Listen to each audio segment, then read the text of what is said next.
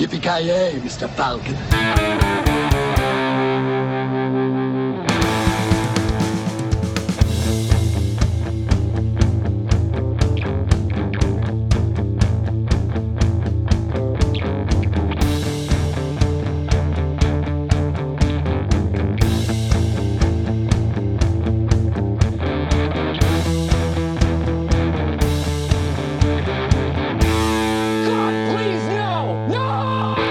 Tjena kära lyssnare! Välkomna till Filmsmakarna! Mitt namn är Joakim Granström. I vanlig ordning så har jag med mig Joakim Avoya från Luleå. Hur står det till?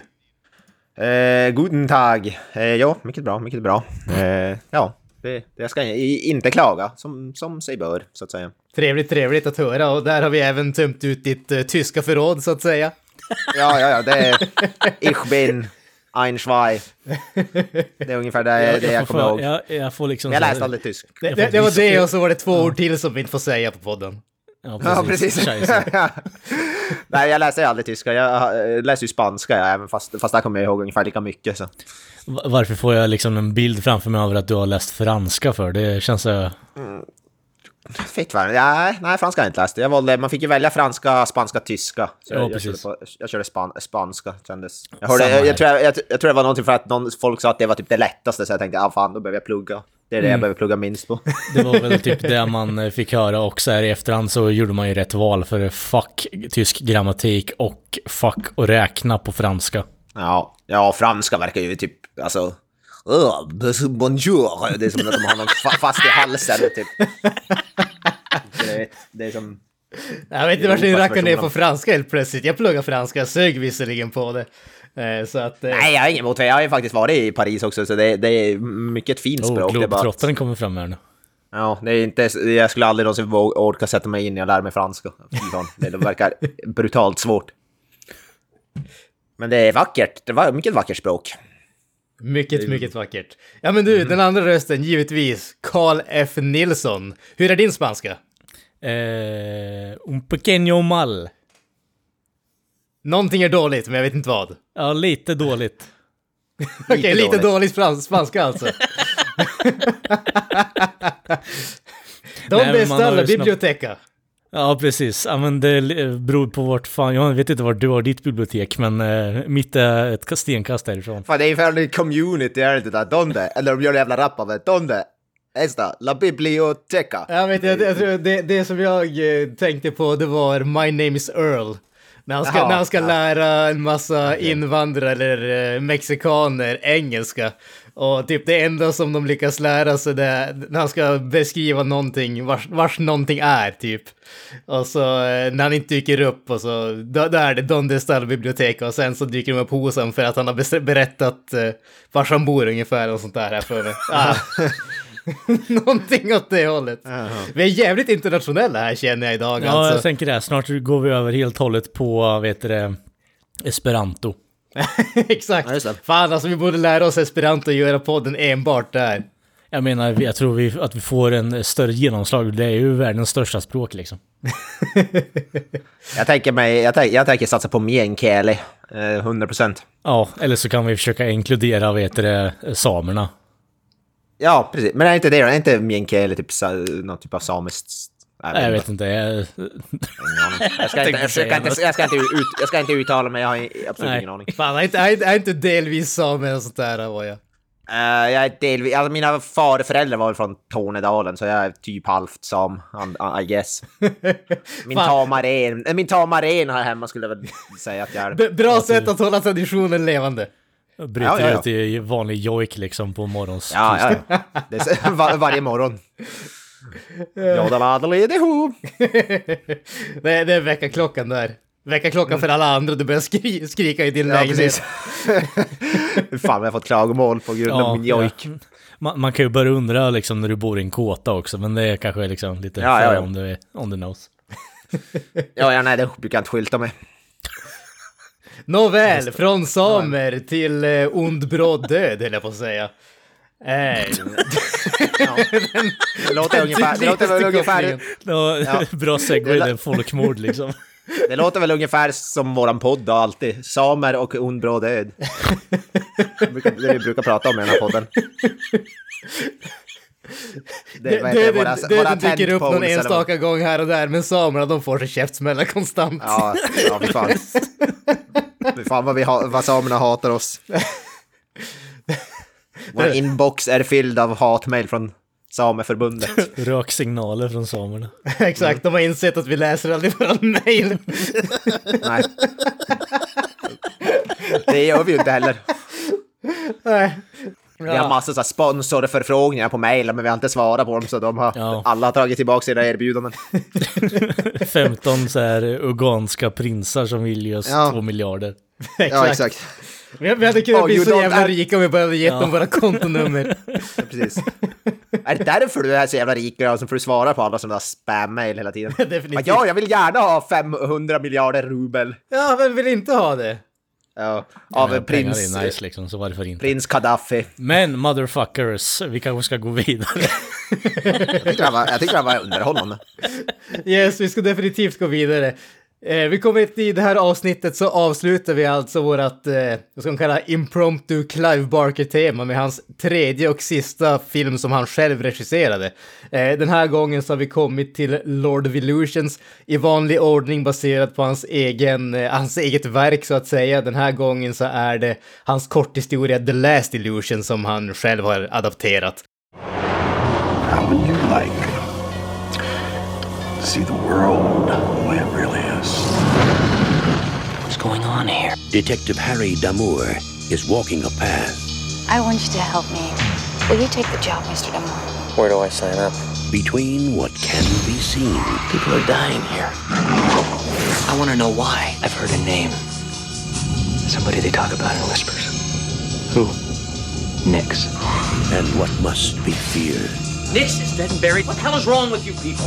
Haven't you seen enough to know that doesn't matter? Eh, De tidigare filmerna som sagt, det var ju Hellraiser baserad på The Hellbound Heart och eh, Nightbreed baserad på boken Kabal. Eh, och det här som sagt är en, den tredje historien som man har adapterat själv. Har ni läst den här korthistorien? Eh, Icke. nej. Nej. Nej. Hellbound Heart är den enda som jag har läst av Clive Barker, men jag får ju mer smak åtminstone. Ja, När man nu ser... Yes, ja, jag har eh, faktiskt läst den här och eh, kan ärligt säga att jag läste den inte för jättelänge sedan någonting åt det hållet. så Jag läste den igår därför att jag lyckades hitta den upplagd på internet där jag kunde lä läsa den gratis.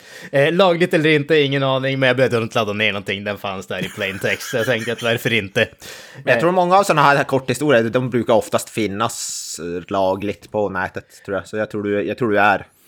Jag tror du kan eh, sova, sova gott på natten. Vad heter det? Man är ju lite nyfiken då. Vad är kort historia i det här eh, sammanhanget? Ja, ja vart går gränsen egentligen? Är. Eh, jag vågar inte svara på med tanke på formatering och sådana saker, men det tog, tog mig inte jättelänge att läsa den. Det tog kanske, jag vet inte, 90 minuter typ. ish. Ja, okej. Ja. det- det- det är inte så Hellbound, hemskt. Hellbound, Hellbound Heart är ju nästan en kort historia det också. Den är ju fruktansvärt kort. Alltså den, Hellbound Heart är alltså- ju mycket, mycket längre än det här dock. Ja, den är mycket längre, men den är ju fortfarande som inte en bok, utan det är väl mer en sån kort Det, det är en eller novell. Ja, precis. 92 ja, novell, minuter. Precis. Ja, precis. Den eh, tog 92. Exakt. Eh, Den här, den här, eh, vad heter det, den här korthistorien är ju samlad i hans eh, Books of Blood-samlingen med hans, en massa andra av hans korthistorier.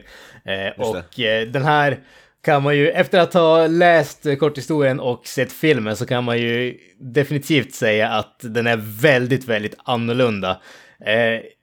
Eh, till, till, till den grad att jag skulle nästan säga att det är två helt separata saker. Det, grund, Grundhandlingen är väl typ ish samma, men sen är det extremt mycket som är eh, annorlunda.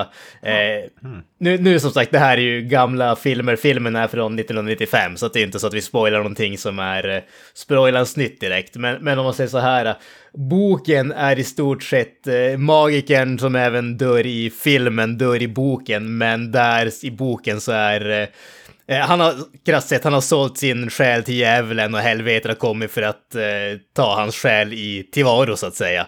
Eh, vi, vilket i stort sett eh, inte är någonting alls i filmen. Det är en Det helt hade annan kunnat varit en story. mycket, Som, mycket bättre film.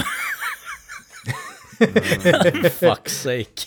Okej, det, här- det här är intressant. Nu hör jag att vi har olika åsikter här kommer jag Ja. säga. Ja, men det, det, Ja. det är bra. Vi tycker om det. Vi tycker om sånt här. Kan vi få lite diskussion så att säga. Mm. Ja, det är, men det tycker jag är intressant att den är så olik det som det är som Clive Barker själv som regisserar. Nu vet jag inte hur Nightbreed-trogen den är, men Hellraiser vet vi ju är i princip 100% alltså one-to-one, så nära man kan komma nästan. Ja, Hellbreed. Intressant att han var, undrar om det var att han kanske var inte nöjd med boken själv och ville göra om den då, eller vad nu anledningen kan vara. Ja, man ska säga så här. Det, det som jag, inte för att jag säger att eh, tycker att eh, novellen eller korthistorien var dålig. Men jag tycker väl i ärlighetens namn inte att den var jättespektakulärt bra heller. Och den känns som att den, känns som en kort historia om man säger så. Där det som man får i den känns inte riktigt som att det är värt att spinna vidare och göra någonting större på egentligen.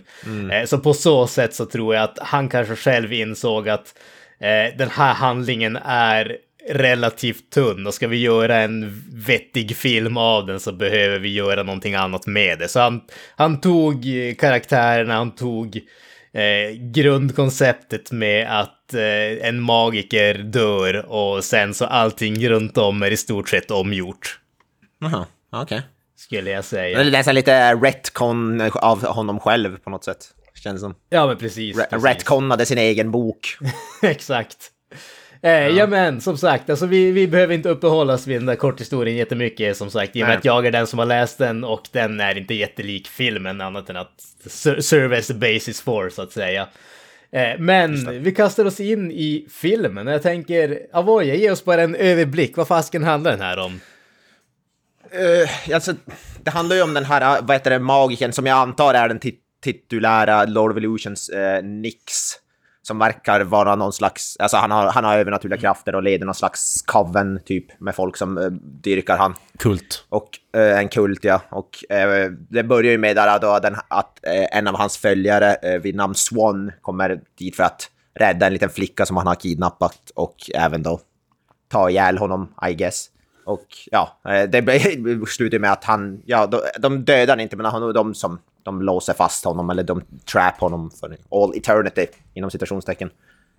Eh, genom att stoppa på honom någon slags järnmask. Eh, jag vet inte, någonting som eh, man antar typ får honom, alltså hans krafter att bli, eh, ja.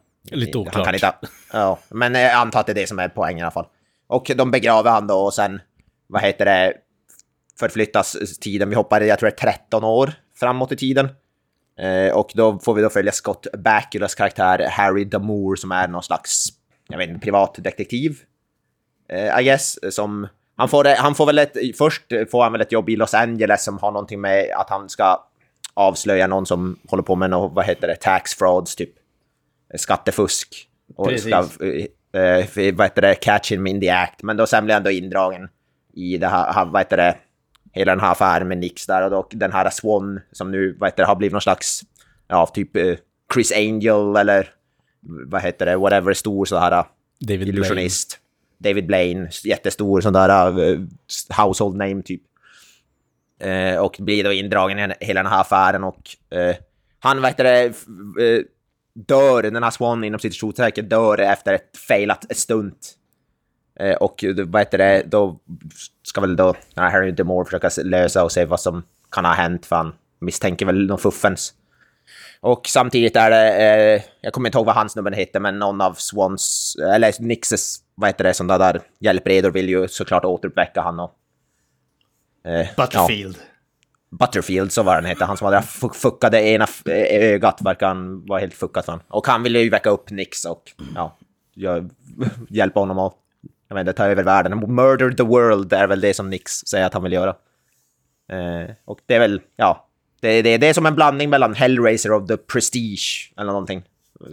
Skulle jag säga. Jag fick mycket The Prestige-vibbar av den här, av den här filmen. Ja, jag med. Alltså det, det, det, det jag tänker i Prestige, det är ju att grejen där är ju att magi inte existerar.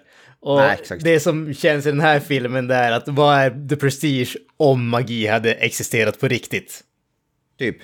Exakt, om, om, eh, om vad heter det, eh, Clive Barker regisserat The Prestige, då hade det aldrig sett ut så här. Exakt. Fast man kan nog säga att det, eftersom den här kom väl typ tio år innan The Prestige, så det är väl mer troligt att den är inspirerad av den här än tvärtom då. kan man väl lugnt säga. Men det, det vet jag fan om den är. Men det, det är mycket likhet ändå mellan med Prestige. Så. Finns definitivt vissa grejer i grund, Ja. ja. grundsetappen så att säga. Vi kastar oss in i castlisten. Det är ju som, som sagt, jag får säga, jag vet inte om jag har sagt det än, men Scott Bakula som spelar Harry Moore, filmens huvudperson, eh, han, för mig, tv-skådis, han har väl varit med i någon Star Trek, han spelar någon kapten i någon Star Trek-serie har jag för mig. Det är väl typ Är han inte något sådär, för jag har för mig att jag har sett han i sådär CSI eller NCIS eller något sådär, att det är Ja, där man har sett CSI honom. vill jag få för mig också. Och eh, Ja. jag skulle nog vilja kalla honom för hans rätta namn, eh, Scott Backtatula. Ja, just det. det, det, det, det fanns inte mycket att säga om eh, den här filmen på Trivia, alltså på Trivia-sektionen på IMDB.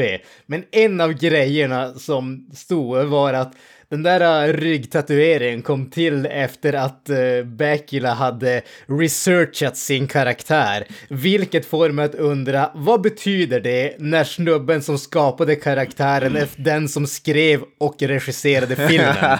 Ja, Ja. jag är lite... det känns mer som en douche move, men eh, det kan kanske bara vara jag liksom. Men ska, visst, är, visst är det så att den här karaktären Harry Damore är någonting som, det har typ Clive Barkers James Bond lite grann, han dyker upp lite överallt och många av hans historier och whatever. Är inte något sånt? Alltså han, eh, han dyker upp i väldigt många historier. The Last Illusion är ju den eh, som den här filmen är baserad på då. eh, Är ju den första av hans appearances. Så han är ju typ en... Han, han, karaktären är ju som en hyllning till de här gamla noir-detektiverna. Men, Ja, ja, men som sagt, han- lever i en värld där magi är riktig om man säger så. Precis. Och sen så har han dykt upp i, eh, vad heter det, dykt upp i, jag tror att han dykt upp i några korthistorier och några av hans eh, längre böcker. Jag är rätt säker på att han Jag dök tror- upp i The Great and Secret Show och uppföljaren till den. Ja. Jag tror han är med i, jag får mig att jag läste att han är med i den här Scarlet Gospels också, Ja. har, uh, Hellraiser-uppföljaren. Jag har inte hunnit börja läsa den, men jag tror han är med där också. Ja, jag är rätt säker på att det stämmer också. Så att han är ju en karaktär som, som Barker åtminstone verkar tycka om, även om vi inte fick någon mer film med han. Men, den här filmen var väl inte överdrivet eh, varmt mottaget. Men nåväl, vi kommer till den biten senare. Eh, vi kan ju gå vidare. Kevin J. O'Connor spelar eh, Philip Swan, den här uh, magiken då. Han är inte en karaktär som jag har någon, eller en skådis som jag har någon jättestor koll på, men han kände här... Mumien! Han är ju med från Mu- Exakt, Mumien. det var det jag skulle säga. Han var så, här, så jag känner igen honom. Va, vad är det jag känner igen honom för? för? Han ser inte ut som den där. Och sen bara fan, det slog mig. Det är Benny i Mumien. Och Ja, det, var han så här, det, det är typ blackface ungefär. Det är, alltså, han, han, är en egyptisk guide i den filmen. Det här är typ den vitaste vitingen någonsin. liksom, Han, har han inte på, han har inte på sig en fess i den här filmen, så lite röd yes, det har han. Ja. Det har Han han. är den här karaktären som bara, som är som bara irriterande i Mumien. och Han, jag tror han dör genom att typ... Är det inte han som blir uppäten av en massa jävla skarab, alltså baggar eller Ja, någonting? precis, precis. Ja. Jag hade också svårt att placera han också, sen bara fan det är ju Mumien, det är ju Benny. deep black eh, blackface cut här. nu. Ja, om- exakt. Jag, jag är ju ett stort fan av Mumien-filmen Brendan Fraser. Så De är för fantastiska. mig är- Ja, ja, fan. Det är tummen upp. Ja, Han kanske inte är den bästa karaktären i den filmen, men... Alltså jag måste erkänna att jag tycker om honom. Han, han är ju där enbart för att vara irriterande och han lyckas Ja. ju med det. Och sen är Han- blandning mellan irriterande och eh, comic relief typ. Jag tycker Han är även med bra. i Van Helsing-filmen med Hugh Jackman. Ser jag nu. Jag kommer inte ihåg den här filmen, men jag ser bara på hans lista. Och i den här filmen har väl typ bara en bra eh, line också i och för sig. Så. Jag vet inte, jag hade ingen problem med den här filmen. Jag tyckte... Nej, Jag har inget problem med honom, jag menar, eh, han är inte drivande på något sätt. eh, Även om man ska Ja, vara nej, det är liksom han inte. headbilling på något sätt. Det är ju det eh, jag kan eh, reagera lite på snarare. Ja, nej men jag, jag kan eh, till ganska stor del hålla med om det faktiskt. Jag, inte, jag tycker inte, att- som sagt, jag tycker inte att han är dålig heller, men han lämnar inget, eh, inget större avtryck.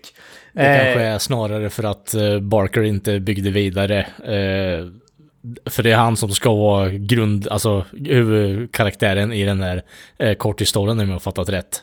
Eh, Harry the Moore är eh, kar- huvudkaraktären i korthistorien. Philip Swan, Okej. han är död i hela korthistorien. Ja, Eh, okej. He- hela historien i ko- i korthistorien går ut på att, eh, vad heter det, Harry the Moore får ett uppdrag att eh, typ vaka med hans kropp till en specifik tidpunkt. Eh, Så det, det är, han, han är bara död där. Det kanske bara är därför han inte får så mycket i den här Nej. filmen, för han har inte skrivit så. Skriver han. Precis. Nej, när du beskrev det som att det var liksom en magiker som eh, gör en deal with the devil så hade jag målat upp ett lite mer intressant scenario, men okej. Ja, det nej. känns som att Barker tappar bollen lite där kanske. Nej, precis. Nej, alltså det, som sagt, det, det som är grejen där är att i, i korthistorien så har han, han har sålt eh, själen till djävulen och helvetet har kommit för att eh, connecta, så att säga. Eh, men han, han, eh, han dör, det första som händer i korthistorien är att han dör. Eh, och sen så anlitas Harry the Moore för att sitta med hans kropp i stort sett. Ja, Och så händer en massa andra saker. Vi går vidare i rolllistan. Famke Jansen, eh, Sinja Onatop från eh, Goldeneye. Eh, Kung. Underbar, underbar. Jean Grey. Jean Grey, precis. Eh, har en eh, lika stor aversion till BH i den här filmen som Kalle tycks ha till den här filmen. Det är kallt under inspelning. Ja, jag tycker ändå att alltså, det är inte så att hon har en djup karaktär eller någonting åt det hållet. Men jag tycker ändå hon, hon gör det hon behöver göra, det vill säga... Du vet varför hon är med i den här filmen. Ja. Hon förstår, hon, hon candy. förstår, Ja, exakt. ja. Å Ja, andra, å andra sidan så måste man ju säga att Clive Barker som en homosexuell man verkar ha väldigt bra uppfattning om vad straight men tycker om som eye candy. Jag menar, Ja, ja, ja. han måste ju sälja filmen på något sätt. Så är det väl, så är det väl, det har du rätt i. Eh, bortsett från de här tre så vet jag inte om det är någon egentligen att nämna som jag känner igen i alla fall. Avoy, är Eh, du som har koll på... Motherfuckers, eh, vet du det, Borats eh, producent är med på i typ fem sekunder. Ja, just det, ja. Alltså, Just det, han som nakenbrottas med Borat där i Ja. hotellrummet. Just det, jag, jag tyckte jag, jag, jag, jag kände igen honom. Ja, han, han röker en stor cigarr där och går upp för en trappa. Jag tänkte den här bad guyen, men jag kände fan inte igen han Daniel von Bargen. Han som spelade då Nix. Nej, Eh, jag, men jag- känner jag känner inte igen inte igen han. överhuvudtaget. Nej, jag kände inte heller igen honom. nej, alltså det, in, ingen som eh, väckte någon sån där uh, aha-känsla hos mig i alla fall när jag såg den här filmen. Nåväl, ja men Kalle, du som uppenbarligen har eh, lite mer aversion till den här filmen än vissa andra. Du, Mm. Vad tyckte du om den? Du verkar inte ha varit något stort fan av den i alla fall. Alltså stundtals så, jag, jag, jag ska säga rakt upp och ner nu, jag, jag älskar deckarfilmer, jag tycker det är ostigt och bra och ju ostigare desto bättre. Den här filmen eh, vill vara och borde inte vara eh, en deckare känns det som stundtals. Och det, det, det blir liksom så här, den dras åt flera olika håll och jag vet inte vart fan jag ska ta vägen. Det, jag- stör mig lite på det. Och när du berättar att eh, eh ja, nu är ju korthistorien, om, när du beskrev den så lät den ju ännu mer tråkigare än vad den här filmen har varit. Så det är definitivt en uppgradering kan man väl säga, men det, känns som att, återigen, Barker har något problem med fokus, eh, märker jag av nu när jag kollar på de här tre filmerna. Det, det känns som att det liksom måste hända något nytt hela jävla fucking tiden av någon anledning. Och jag vet inte varför, men eh, jag kan... Eh, det finns guldkorn här också. Det, jag säger inte att allting han har gjort är dåligt, men helvete alltså. Det är någonting med fokuset som jag sitter och stör mig på när jag ser på det här igen. Alltså... Ni, känner inte likadant misstänker jag. Alltså, jag, jag måste säga att eh, jag, jag tycker inte det. Och jag vet inte om det är för att eh, jag ser den här så tätt in på Nightbreed. Därför att, och, och, för mig så är det lite grann av en eh, vända hela saken på huvudet om man säger så. Därför att jag tycker att grundhistorien i Nightbreed är mycket mer intressant än den här filmen. Men jag, jag tyckte att Nightbreed var alldeles för ofokuserad för att, eh, om man säger hålla hela vägen till slutet. Vi pratar mycket om det i avsnittet så jag ska inte repetera det nu. Men, men för mig så var det att idén var bättre än utförandet. Och här känner jag nästan tvärtom. Idén är mycket sämre, men jag tycker utförandet är bättre. Jag håller på, jag tycker den här filmen är ju oändligt mycket mer fokuserad än vad Nightbreed var. Eh, jag, jag gillade den här betydligt mer än Nightbreed också. Eh, jag tyckte den här var betydligt lättare att följa, hade mycket, en mycket bättre huvudkaraktär framför allt. Jag tycker Scott Ja. Bakula är ju en of- ofantligt mycket bättre skådis än eh, Schaefer, whatever han heter, snubben. Tramp till trots. Ja, precis. Ja, Tramp ja, han är mycket bättre och själva handlingen är mycket mer lättare att, eh, att följa. Eh, Och jag tyckte inte den var lika ofokuserad som så. Den här kändes mycket, mycket mer straight, så att säga. Eh, Så ja, nej, jag är nog med på Granströms håll här. Jag tyckte utförandet här var be- betydligt bättre. Eh, Så ja, nej, jag, jag, jag, jag gillade den faktiskt. eh, Ja, Skarp. jag vet inte det... trots en massa dålig CGI. Ja, ja men jag menar, där kommer man inte ifrån. Det är ju liksom, det är ju på on the cusp i det här läget, Ja. att det är på G med in med dålig CGI, Blade, eh, och så vidare. Liksom. Du, alltså nu fy fan, nu spottar du på de heliga böckerna alltså. Det, Ja, precis. Blade har fantastisk CGI. Det- Speciellt, speciellt den där scenen i slutet på Blade när de alla förvandlas till skelett eller vad fan det. Exakt. Det är. Det är jävligt snygga effekter. det, är det, det är ju det som alla aspirerar till fortfarande. Nu faktiskt måste jag faktiskt säga, jag älskar ju Blade 1, jag tycker det är en fantastisk film, så jag ska inte skita på den allt för mycket, men jag vet inte om jag skulle kalla CGI för snygg. men det, jag tycker den här filmen, för att jag tycker, den förlitar sig, all, det är alldeles för mycket CGI i den här filmen. Jag fattar, alltså när, när CGI, för jag, fast jag antog att det var så här grej, ja nu är, vi har pengar att blåsa så vi, det här ser coolt ut. Och det föråldrar filmen några snäpp mer än vad när vi behöver. Definitivt. Ja, där kan jag ju säga också att jag tycker att det, det finns en riktigt fet gräns kan jag tycka mellan CGI i den här filmen och de praktiska effekterna i den här filmen. Därför att de praktiska effekterna är överlag riktigt, riktigt bra tycker jag. Eh, med, med något enstaka undantag. Och CGI är i stort sett värdelös hela tiden. Eh, så att, alltså det... Och problemet här kan jag sä- säga, till viss del känns det som att Barker himself gjorde en miss. För den här filmen känns som att det, på det stora hela är den strukturerad på ett sånt sätt att den övernaturliga biten behöver inte vara på riktigt om man säger så. Magin behöver inte finnas på riktigt. Det, det tillför egentligen inte den här filmen någonting på det stora hela. Eh, Tack. och det som är grejen där är ju att mycket av effektarbetet och de här dataeffekterna är ju till för att undersälja just den övernaturliga biten. Så hade du tagit bort den övernaturliga biten, då hade du kunnat skippa väldigt mycket av de här tragiska CGI-effekterna och jag tror att filmen som helhet hade faktiskt vunnit på det också. Jag tror att det hade blivit en mycket, mycket bättre deckarfilm i det här läget också. För alltså, eh, jag störde mig som fan på intro, alltså sekvensen, för jag tyckte inte det gav något annat än att ge, att, alltså visst, det, det bygger ju upp deras relation på något sätt, Swan och eh, Nix. Men jag menar, varför inte ens låta eh, den här jäveln dö och låta Nix på något sätt vara en ominous being fram till slutet? Eh, eh, som eh, Scott Bakula undersöker som en detektiv istället för att det blir liksom nu är det action, nu kommer en massa demoner här från ingenstans och biter han i nacken och så vidare. Jag tror det filmen hade vunnit på att vara lite mer sh- eh, don't show liksom. Eh, Show don't tell. Show don't tell, ja precis. Ja, ja men där, där håller jag definitivt med och det känns definitivt för min del åtminstone som att eh, det, det fanns en viss... Eh, man hade inte riktigt tilltro i det centrala mysteriet. Så att om man säger, de kände inte att mysteriet, detektivhistorien var så pass stark att det skulle bära upp hela filmen och därför var jag tvungen att sätta in en massa extra för att göra det flashigare och för att behålla folk, eh, folkets intresse, publikens intresse om man säger så. Det blir liksom på något sätt motsägelsefullt i och med att eh, han skriver om sin egen korthistoria som du själv säger nu, eller har förklarat, eller som ni båda förklarat som att det, den är väldigt tom på innehåll.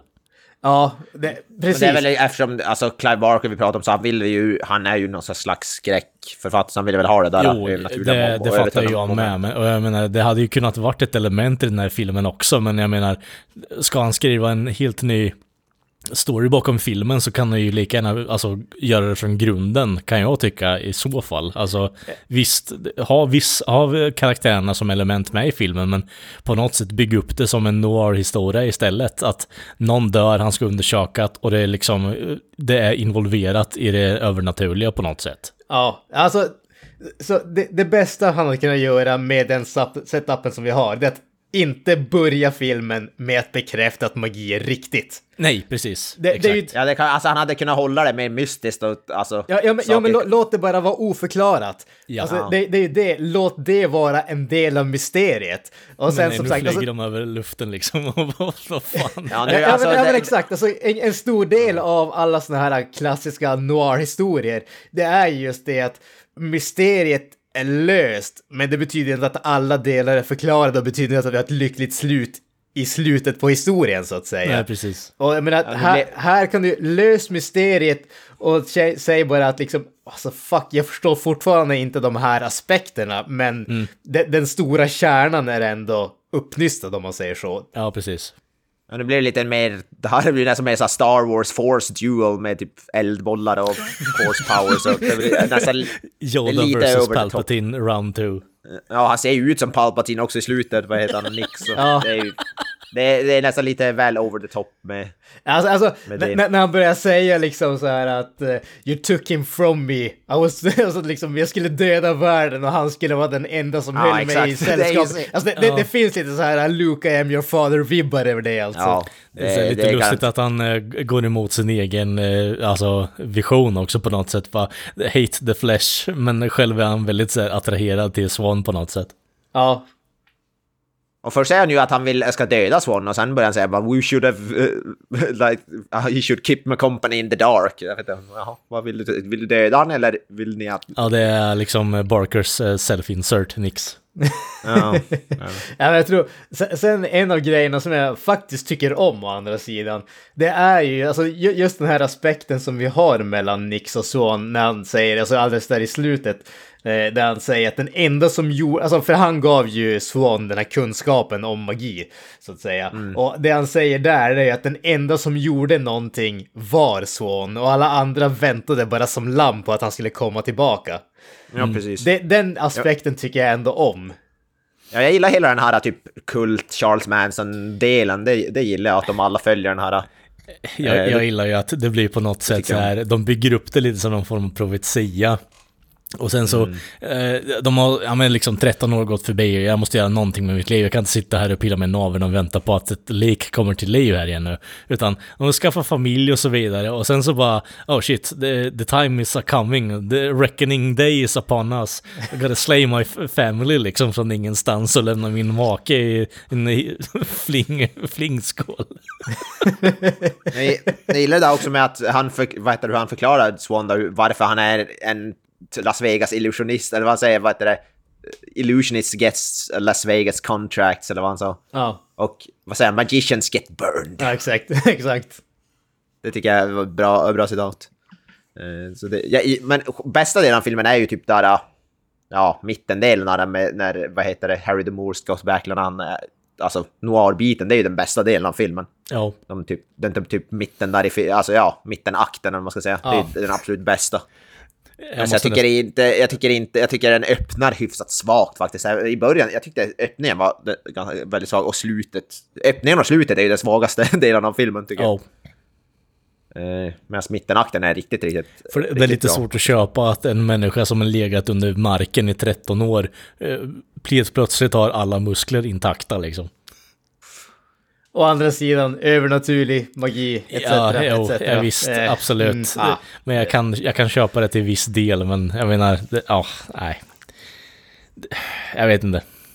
Det, det, alltså, på det stora hela som sagt, jag tycker ändå om den här filmen, men det går ju definitivt att eh, hitta svagheter om inte rena hål i vissa Nej, nej, det delar är av ju det jag filmen. menar. Och eh, så fort jag ser hålet där så kommer jag börja gräva tyvärr alltså. Och då, det är vad det är. Jag är ledsen, det är vad det är. Så är det, så är det. Men jag, jag ser definitivt den här filmen, om den här filmen är mer än Nightbreed, jag tycker den här var, jag gillar den här mycket mer än Nightbreed. Ja, jag menar om Definitivt. någonting så, som du säger, eh, sa tidigare Mr. Voya, alltså Mm. Bakula lyfter ju upp där. Han är ju väldigt, eh, väldigt, väldigt alltså indragande sådär. För jag hade ju hellre velat se en eh, alltså, ren och skär noir-historia fram till slutet där det liksom brakar loss lite. Att du har visat lite på det här att det, det övernaturliga ändå finns.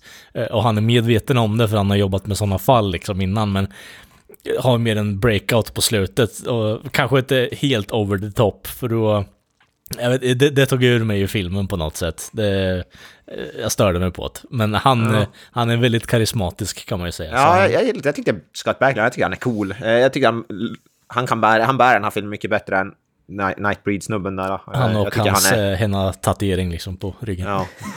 han, är, han har ändå någon slags pondus och han är väldigt ändå ned, han är inte så här over the, han, är, han spelar ändå ganska, han är ganska nedtonad på ett Mm. bra sätt tycker jag. Så jag, tycker, jag tycker han, han, Eh, riktigt bra insats faktiskt. Jag vill ändå ge en uh, shout-out till uh, Philip Swans uh, quote bara Oh, you would like that, wouldn't you? Bara so we can continue fucking my wife. Ja, ja, det är klart, men han är ju, han är ju, han måste, han är ju James Bond, han måste ju bang the... Bang the... You cocked me from out. the grave you asshole. Exakt. Ja, Men jag är helt övertygad om bad guy Lord of, alltså Lord of View. Jag tycker han är bra, men jag vet, jag vet han, är, han känns verkligen nästan... Han känns som någon mer, eh, parodisk. Ja, precis. Han känns som att han borde vara hemma i typ Texas Chainsaw Massacre och liksom... Ja, han ser inte ut... Han, han ser fan mer ut som en redneck hillbilly Ja, än en ja. mas, master illusionist. och så är han typ så här ölkagge och... eh, Ta, vad heter det? Tunnhårig och han ser inte ut som man kan tänka sig. och, å andra sidan, jag kan ändå- uppskatta det bara för att han ser inte ut som en sån där äh, suav äh, klassisk villain om Nej, man säger nej. så. Det, han är verkligen inte det man tänker att en sån här snubbe ska vara. Han är en väldigt Nej, nischad, eh, nischad Ja, Charlie Manson med en schimpans liksom. Ja. Eh, eller, eller Det är, säkert, det är ju säkert garanterat avsiktligt av Clive Barker att han ska se ut väldigt... Ja. Säkerligen. Han ska kanske bara se ut som en everyday man. Alltså han ser ju inte ut något speciellt ut. Han ser ju ut som... som- vi säger, en typ redneck. Ja. Det är säkert väldigt avsiktligt, men jag vet jag fick, jag fick ju ingen sån där känsla av att han ska vara skräck... Att han har skräckinjagande känsla av honom direkt. Så i alla fall inte i öppningsscenen där. Möjligtvis i slutet när han ser fucked upp ut, då, då ser han lite... Det ser lite Mm. Ja, det enda jag kan säga är att jag hade inte velat uh, live action roleplaya med Nix liksom, få en fireball på riktigt i ansiktet är inte Nej. Nej, Nej, definitivt nej, inte. tack. Var det några scener i den här filmen som ni tyckte stack ut eller som förtjänar lite extra uppmärksamhet? På ett gott eller ett dåligt sätt kan man ju säga. Eh, ja, men jag tycker ändå om när han eh, eh, förföljer den här eh, tax evasion-snubben liksom. Det, den, den, det finns en bra övergång där när han kom, precis kommer in till LA och bara ah, LA och sen så smashcuttar de till någon jävla strippa som är bar, alltså topless liksom. jag gillar the exposition-grejen bara ah, LA, City of Angels, bara strippers. jag, jag gillar ju scenen där när han, när han går i det här Magic Castle, där, när han vet, träffar den här gammel ma- magiken snubben där, Mm. han infiltrerar där. Det, det tycker jag är riktigt bra. Bra scen där, och den han sitter och käkar och frå, vad heter det, interrogator dem. Mm. Jag tycker de- den scenen ty- tycker jag skulle ha varit längre. Alltså det skulle ha varit med Ja. i det här spelet när han, eh, vad heter det, när han håller på med den där utfrågningen det där. För nu- är det, det går från 0 till 100, snubben Ja. pratar och sen blir han liksom skitpist med en gång. Det hade varit trevligt om man hade fått se lite mer av det här eh, givandet och tagandet där, att de hade liksom slängt Ja, lite ord ja. mot varandra och byggt upp det där lite grann. För jag tycker också att det är en riktigt bra scen. Du hade behövt ha någon lite Tarantino-esk dialog i typ en tio minuter där, så hade jag liksom tyckt att han var superbt där. Att det blir ska- på något sätt, eh, som säger, successivt uppbyggnad till det här 'fuck you' eh, istället Brooklyn accent liksom. Alltså det... eh, Jag gillar payoffen på, på den scenen, men den är på tåg för kort. Nu ska, nu ska vi påpeka att vi faktiskt har sett den förlängda versionen av filmen också, så vi har ju sett den längst. Den, den vi såg var Directors Cutten som ligger på två timmar. Man vill Jag tror originalfilmen är typ 1.45, 1.50 eller något Den sånt. är 12 minuter längre, Director's 12 minuter längre, ja. Har ni någon koll på vad de har lagt till för övrigt eller? Nej. Som, som jag förstod det så var det mestadels så var det dialog för att de tyckte att det var för mycket utrymme mellan eh, MGM som producerade filmen tyckte att det var för mycket utrymme mellan actionscenerna om man ska säga så. Men sen var det vi, vissa av eh, de här lite våldsammare scenerna var också lite mer ditsatta. Den här eh, grejen i början när de sätter på honom den där masken som skruvar in sig själv eller vad i huvudet på honom. Som för övrigt såg jävligt coolt ut. Eh, den, Ja, den biten var tydligen inte med i uh, Theatrical Cut-versionen. Sen vågar jag inte svara på någonting annat, men det var, det var tydligen det som var mest, mest dialog som jag förstått det. Ja, det, men det är ändå bra för det, det känns definitivt inte som att man kan... Den här, den här filmen hade lidit om man klipp- klipper bort dialog. Som vi sa, vi skulle nästan önska mer dialog i vissa scener. Så det älskar när man blir påmind om att det är studiorna som själva har fuckat upp. Bara, ah, men jag vill ha mer dialog i min film. Bara, ah, men snälla nu Clive, du, du har haft tio minuter utan en actionscen. Folk kommer gå Ja, ut ur den här jävla biografen. Fuck sake. Det är så jävla typiskt. Det är typiskt studios som eh, förstör filmer. Trust me kid, oftast. I'll know the business. Bara är själv liksom frånkopplad helt och hållet hur människor tycker och tänker. Ja, men det var väl samma med Nightbreed där. Det var, den, den, var ju till och med ännu längre Ja. i Directors Cut-versionen än den var, det var den här. Ja, att den, eh, den var lite tradig att ta sig igenom faktiskt, måste jag säga. Mm. men jag vet inte vad, vad mer för scener är värda att Alltså, eh, Ta upp. den scenen som jag tänker på här, eh, eller den scenen specifikt, det finns eh, ett antal scener kan jag säga i den här filmen. Inte minst eh, om man säger den här eh, Magic Castle-scenen, men, ja. men även eh, Eh, när de håller på i början med det här magiska tricket och i eh, slutstriden när, eh, vad heter det, när Nix eh, dödar sina undersåtar och de bitarna. Alltså, jag tycker även om filmen som så är lite mer brist på bättre uttryck, jordnära än både Hellraiser och Nightbreed, så tycker jag att den, visar ändå upp eh, Barkers visuella öga om man säger så. Eh, jag, ty- Ja, ja. jag tycker om den visuella stilen i den här filmen. Jag tycker att den är riktigt, riktigt snygg överlag. Som sagt, vissa eh, dataeffekter och sånt ser katastrofalt ut med dagens mått mätt. Men, men, men rent stilmässigt, estetiskt, så tycker jag faktiskt att det är en väldigt, eh, väldigt snygg film att se på. Ja, det är ju någon slags, han har ju någon slags gotisk, gothic, mm, slimy, whatever. Han har en, en väldigt intressant blandning Mm. mellan typ gothic, gothic horror och typ body horror på något sätt. Ja, För Jag att författare så är han väldigt bra på och jag vet det, bygga upp en shot måste jag faktiskt säga. Det, är Ja. väldigt, eh, det är väldigt bra filmat. Där. Jag Väldigt tror, bra. jag tror han jobbar väldigt visuellt, Clive Barker, skulle jag gissa på. Han är en väldigt... Han, han är ju målare också. Eh, Ja, det var det jag tänkte säga. Jag skulle inte, för, Ja, jag skulle inte förvåna mig om- om han är konstnär. Ja. Då är det vinklar är väldigt, liksom, kommer ganska naturligt då kanske. Ja, ja, nej men han, han, har, han har gjort, eh, jag, jag har två stycken eh, av hans eh, artbooks, Imaginer 1 och 2 har jag, han har, det, finns en drös fler. Eh, men, men han har, eh, han har ju gjort riktigt mycket målningar och sånt där. Sen så hans målningar är ju på det stora hela mer åt eh, fantasyhållet med skräckelement. Så det kanske inte är sånt som rakt av överförs till en film, men det visar ju att han har en känsla för det visuella, hur, hur det ska se ut för att få en stil som ändå känns unik. Och det, det tycker jag ändå att han lyckas med den här filmen. Eh, även om filmen i sig inte är så unik som jag önskar att den skulle vara så tycker jag att den visuella aspekten känns ändå unik på något sätt. Men jag tycker det är genomgående genom... Åtminstone Nightbreed den här. Jag tycker Hellraiser tycker jag är bra även på... ma- Men han verkar ju vara bättre på det visuella än på att skriva manus. Han kanske inte är lika stark manusförfattare som han är en visuell Det, konstnär. det, det kan jag faktiskt backa. Jag tror, jag tror, men jag tycker Hellraiser, där vet jag inte. För där, där tycker jag manuset, men där är det nog, tror jag, det, jag vet inte, det kanske är en enklare film att adaptera på ett manus, Ja, på en manusnivå, jag vet inte. Men i alla fall när det gäller Nightbreed och den här, alltså tycker jag att det visuella är bättre än själva manus, manuset så att säga. jag känner att jag vill, jag vill verkligen läsa Kabal bara för att eh, få se hur den ändrades, eller för hur olik eller lik den är. Eh, filmen helt enkelt. Ja, nej, nej som, som sagt, som vi sa, det är, Hellraiser är ju, så, är ju riktigt eh, trogen. Eh, och den här är inte det, så ja, jag vet inte vars kabal ligger, men... Ja, men jag håller med. Definitivt. Men som avslutande kring, om man säger specifikt den här filmen, är den en rekommendation? Alltså det känns som för mig så skulle jag ändå säga att, jag skulle ändå säga att det är en rekommendation, även om den inte är två tummar solklart upp, men säg en och en halv tumme upp, Ja. om man säger så. Nej, men jag skulle vilja säga något, som du brukar säga, solitt hantverk eh, med en del skavanker, men jag tycker det är mer bra än dåligt skulle jag väl ändå säga. Ja, det, det håller jag med om. vilket, Men den är ju absolut inte i närheten av alltså, Hellraiser som i mina ögon är närmaste perfekt, i alla fall eh, skräck, alltså, i sin genre. Inte i överhuvudtaget närheten, men samtidigt absolut inte ens inte en dålig film överhuvudtaget. Nå någonstans. Som sagt, jag skulle nog ranka Hellraiser och sen den här och sen Nightbreed. Den är, den är bättre än Nightbreed, skulle jag säga solklart. Så, som du sa, en, en, tum, en tumme upp, en och en halv, och sånt där. Även. Yes. Kalle, vad säger du? Uh, jag, må, jag måste ju vara en upp, en ner i så fall. För alltså, visst, det, återigen, jag har sagt det innan på Nightbraid och det är väl ungefär likadant här.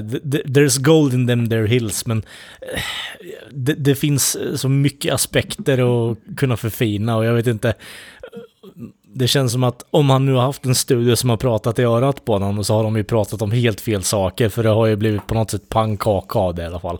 Uh, men jag ser verkligen att det finns bra grejer så jag kan inte riktigt totalt sett pissa på den här filmen, för återigen, älskar deckare. Det här har deckarelement, men jag hade gärna velat haft mer av det. Mer dialog eh, och mer uppbyggnad till den här slutstriden då, eller vad man nu kan kalla det. Mm. Eh, och helt slopa det här eh, eh, introsekvensen, bortsett från att man kanske får det i någon tidningsartikel eller på nyheterna. Alltså lite exposition i alla fall, bara att det blir förklarat och sen så blir han indragen i fallet. Då hade jag nog tyckt om den här filmen lite, lite bättre. Ja, men jag kan, alltså jag, som sagt, jag är väl lite mer positiv än vad du är, men jag, jag förstår ändå, jag förstår vart du kommer ifrån om man säger så. Mm. Definitivt. Mm. Eh, som sagt, jag, jag är lite sådär mer åt solitt hantverk-hållet och jag, ändå, jag, ty, jag, tycker ändå, jag tycker ändå om den. Även om jag inte tycker att den är klockren på något som helst sätt. Eh, men om vi, om vi som sagt, det här är tredje avslutande Clive Barker eh, avsnittet och som sagt även det... Det tog slut filmer helt enkelt. Ja, precis, det tog slut filmer för honom. Det här är den tredje och sista filmen som han regisserade också. Så ja. för ovanlighets skull, med tanke på att han mest sannolikt i alla fall inte lär regissera någon fler film. Han fyllde ju 70 år eh, för inte alls så länge alltså. sedan. Eh, jag vet inte varför han slutade överhuvudtaget. Han, han kan ju göra film, ja. så jag, fatt, jag fattar inte vad grejen är. Exakt, men, men rent allmänt, vad tycker vi om honom som filmskapare? Det är svårt att säga så här bara rakt av, men alltså vars, vars hamnar vi? Om jag, om jag själv ska börja eh, så tycker jag ändå att å ena sidan tycker jag att det är jävligt synd att vi inte fick mer av han. Eh, mm. att, gå, att öppna med Hellraiser är sjukt. För det, alltså, jag har sagt det tidigare, jag säger det igen. När det kommer till skräckfilmer så är det nog i stort sett en perfekt film för min del. Eh, ja. För jag tycker att den är så mycket mer än bara vanliga skräckfilmer. Det, det är en klassiker av en anledning.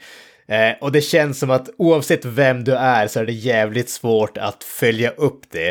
Eh, och det som jag kan känna där, det är att han hade jag tycker både Nightbreed och eh, eh Lord of Illusions är bra filmer. Men det känns som att han hade behövt lite mer tid på sig för att utveckla hantverket om man säger så. Nu givetvis, det här är bara spekulationer från min sida. Men, men samtidigt kan jag nästan känna på något sätt att han gjorde den där ursprungliga Hellraiser-filmen, det fick ett fantastiskt mottagande. Och sen så kände han kanske att okej, okay, nu behöver jag upprepa det här istället för att känna att okej, okay, nu måste jag göra någonting annorlunda. Visst, filmerna är annorlunda sett till story, sett till stil, men det är fortfarande blandningen mellan skräck slash fantasy, det övernaturliga mot det väldigt alldagliga. Det är ju som Clive Barkers levebröd även i hans böcker. Eh, så att det känns som att jag tror att han hade vunnit som filmskapare på att ta sig lite längre ur sin bekvämlighetszon om man säger så. Ja, men jag kan förstå samtidigt att jag, jag gillar ändå att han adapterar sina egna verk. Det tycker jag är intressant. Det skulle jag vilja se mer av. Han, det, han alltså, gjorde det... det 700 miljarder gånger bättre än Stephen King i alla fall. Ja, ja, ja. men med det, med det sagt så är ju Maximum Overdrive fortfarande en fantastisk film, det vet vi ju alla, men... Alltså, eh, ja. Kanske på ett helt annat sätt. Än... Ja, precis. Det, det är ju en bra slockfilm, men det är ingen bra ja. film. Nej, det är det 10 lastbilar och 15 båtar. Och det, det är väl ja. det Stephen King säger själv också. jag läste en quote, bara, varför har du inte regisserat mer filmer? Så bara, ja, kolla på Maximum Overdrive. Ja.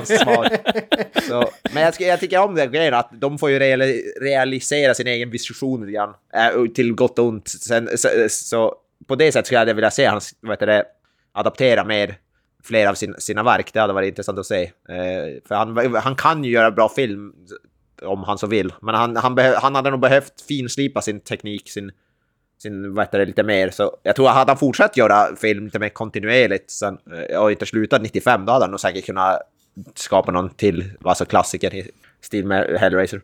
Så jag, jag, det är synd att, att vi inte har fått något. Som, som du säger, han lär ju inte regissera någon mer film nu. Han är, han är ju fan, ja vad du sa, 70 år gammal. Så ja. det, Eh, men han, jag vet inte, skriver han överhuvudtaget böcker längre? Sen Scarlet Gospels är typ det senaste han har gjort och det är ju typ ändå 5, 6, 7 år sedan eller något sånt där. Alltså han är ju en sån där som, han verkar skriva väldigt mycket men väldigt eh, lite verkar faktiskt bli klart om man säger så. Han har ju två stycken serier som eh, en som heter eh, Books of the Art så att säga. Eh, the Great and Secret Show och eh, Everville eh, som är den andra boken och det ska bli en tredje bok. Everville kom mitten på 90-talet. Eh, och han säger själv att det ska vara typ en gigantisk bok, den tredje boken, men han ska börja den när han har gjort alla andra projekt ungefär. Eh, sen så släppte han ju eh, Abarat som eh, var en sån här lite mer ungdomsinriktad fantasy-serie som skulle bli fem böcker, eh, varav han skrev tre stycken tror jag, om jag inte helt ute och cyklar. Och jag tror att den tredje boken släpptes väl typ tio år sedan, elva, tolv, däromkring. Så att mm. han, han har ju projekt på gång verkar det som ständigt. Men det verkar inte fullföljas krasst sett. Han verkar, han verkar ha jävligt mycket så stora ambitioner men verkar inte fullfölja mycket av dem. Nej. Så han, lov, han lovar mer, han lovar lite för mycket. Det, det, det finns lite George R.R. Martin-vibbar här ja. kan jag säga. Alltså han, det... är, han är Peter Molyneux fast i författarvärlden. Exakt! typ hans böcker ska vara... Var det inte någon samma du sa om Scarlet Gospel, så att det skulle vara det här massive, det skulle vara flera tusen sidor, det skulle vara... Det, för fan vad han skrev... Alltså, det, det här kan vara någonting... the medium. Ja, men precis. Alltså, det, det, det här kan ju vara någonting som... Jag vet inte om jag bara fått för mig det, men jag är rätt säker på att han sa vid någon, något tillfälle att om The Scarlet Gospel så att he's writing about the unmaking of the universe. Eller någonting åt det hållet. Ja. jag, jag, ska inte svära på det, men jag har, jag har ett vagt minne av att han har sagt någonting åt det hållet om den boken. Och det skulle vara typ en massiv bok. Och sen kom den ut och var typ 250 sidor eller någonting åt det hållet. Ja, det, precis, ja, det, det, blir, en, det blir en Peter Molyneux-fall äh, äh, liksom bara. You have a dog? It's called dog. Vad fan heter den? Milo? Som var typ en sån där tech-demo med vad heter ja. det, Xbox, eh, ja, den det, rörelsegrejen. Ja. Som man påstod var typ den närmaste eh, verklig interaktion och det kom väl ut för inte allt för länge sedan att det var typ bara bullshit. I och för sig som typ allting annat som man har gjort de senaste 20 eh, åren. Det är det, det han har sagt om, om, vad heter det, men det var ju det där det där spelet, så, det där Destroy the Cube eller vad det är, som var ett massivt, man skulle trycka på en kub och förstöra den sista som skulle göra det, han skulle få en massa jävla pengar och det var ett stort pris och whatever. Och det hände att han har inte fått ett skit den här snubben som vann. Och mm. Det var hela var bara bullshit och typ företaget lades ner. Jag vet ja, fan precis. Om man kan göra någonting är att eh, lita inte på någon som har gjort bort sig mer än en gång. Eller om vi ska ta det till tv-spelsnivån, lita inte på Peter Molyneux. Nej, det var lite det jag syftar på. ja, han är, det är ju som med, vad heter det, Clever, han kan ju bra spel Peter Malone, för han har gjort bra spel. Det är bara att han, han lovar mer än vad, vad som det visar sig vara. Side note, han, han omger sig med bra människor som kan försöka dra ihop de här potentiella grejerna han lovar. Men ja. han lovar för mycket. Inte för att klara... Nu känns det som att vi börjar prata om någonting helt annat. Eh, det, det, ja, det, det känns som att Peter Molyneux specifikt är en sån där snubbe som har en miljard olika idéer men ingen som helst uppfattning om vad som krävs för att för att förverkliga de idéerna. Så när, när, han liksom sätter sig i en intervju och bara snackar och lovar en massa grejer, det, det, är liksom den intervjun, det är när hans team läser den intervjun, det är då de får sina instruktioner för vad de ska göra. Det är liksom Peter mm. Molyneux har stött i en intervju med någon random games media och bara sagt att ja, vi ska revolutionera hela det här uh, tv-spelsmediet, vi ska göra någonting som folk aldrig har sett och som aldrig kommer att efterliknas igen. och sen så sitter teamet där och läser den här intervjun typ två veckor senare och tänker att okej, okay, vi ska göra någonting revolutionerande, någonting som aldrig har setts tidigare. Nu måste vi börja knåpa på någonting som kan motsvara det här. Vi har release date om tre veckor. Exakt! typ så. Ja, han, är, han är en cool snubbe, Peter Molyneux alltså. Han har en väldigt så här hybris-komplex, om man ska säga. Definitivt. För att återgå till uh, Clive Barker, B bara avsluta hela Clive Barker-grejen. Hur skulle vi ranka filmerna? Avoya, du sa ju din ranking där med ja. Hellraiser, eh, vad heter det, Lord of Illusions och eh, Nightbreed i den ordningen. Och det är en ordning yep. som jag är definitivt beredd att skriva under på. Kalle, vad säger du? Eh, jo, jag har grunnat lite på det där. Jag har faktiskt eh, sett filmerna eh, flera gånger nu sedan vi påbörjade den här. Eh, så jag har eh, lite omtagning på allting. Så jag håller med. Hellraiser är liksom hans magnum opus. Eh, väldigt snyggt visuellt. Eh, jag kan ha lite små grejer kring handlingen och så vidare, men det är en annan sak. Men eh, helt klart hans bästa. Eh, sen Lord of Illusions, eh, visuellt jävligt snyggt. Handlingen lämnar jävligt mycket åt eh, liksom slumpen kan jag tycka. Han har lite så här... Det känns som att han har tappat lite eh, ett kall på något sätt i livet genom att bara vara typ cinematograför och eh, li, lite såhär Tom Savini-aktig eh, istället eh, inom filmvärlden faktiskt. Han är väldigt visuellt som vi som jag har sagt under de här tre filmernas diskussioner då. Men eh, som sagt, eh, Nightbreed är ju helt klart sist. Den är på tok för spretig. Eh, man kan inte relatera till huvudkaraktären överhuvudtaget. Ja, jag vet inte. Det svagt bara. Och med de orden så knyter vi ihop eh, Clive Barkers säck helt enkelt. I vanlig ordning, ni hittar oss på sociala medier, Facebook, Instagram. Vi älskar när ni skickar meddelanden, filmrekommendationer etc. Än en gång, bry inte om att skicka mail, vi kan inte läsa dem. Har ni några avslutande ord grabbar? Skicka, skicka snigel, snailmail istället. Snailmail kan ni absolut skicka. Ja, ja. Mjältbrand med, eh, alltså godtas gärna. Flask, Adresseras flaskpost. endast till filmsmakarna, posten vet våra adresser, det är lugnt, lugnt resten. vi är så Flask- jäkla flask. erkända. Flaskpost kommer, kommer vi svara på också. Och ni eh, jojkare där ute så tar vi emot eh, röksignaler också. Ja.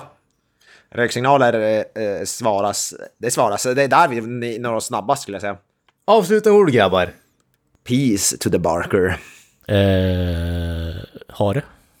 Oil said, What are you going to do with me, Daddy? That's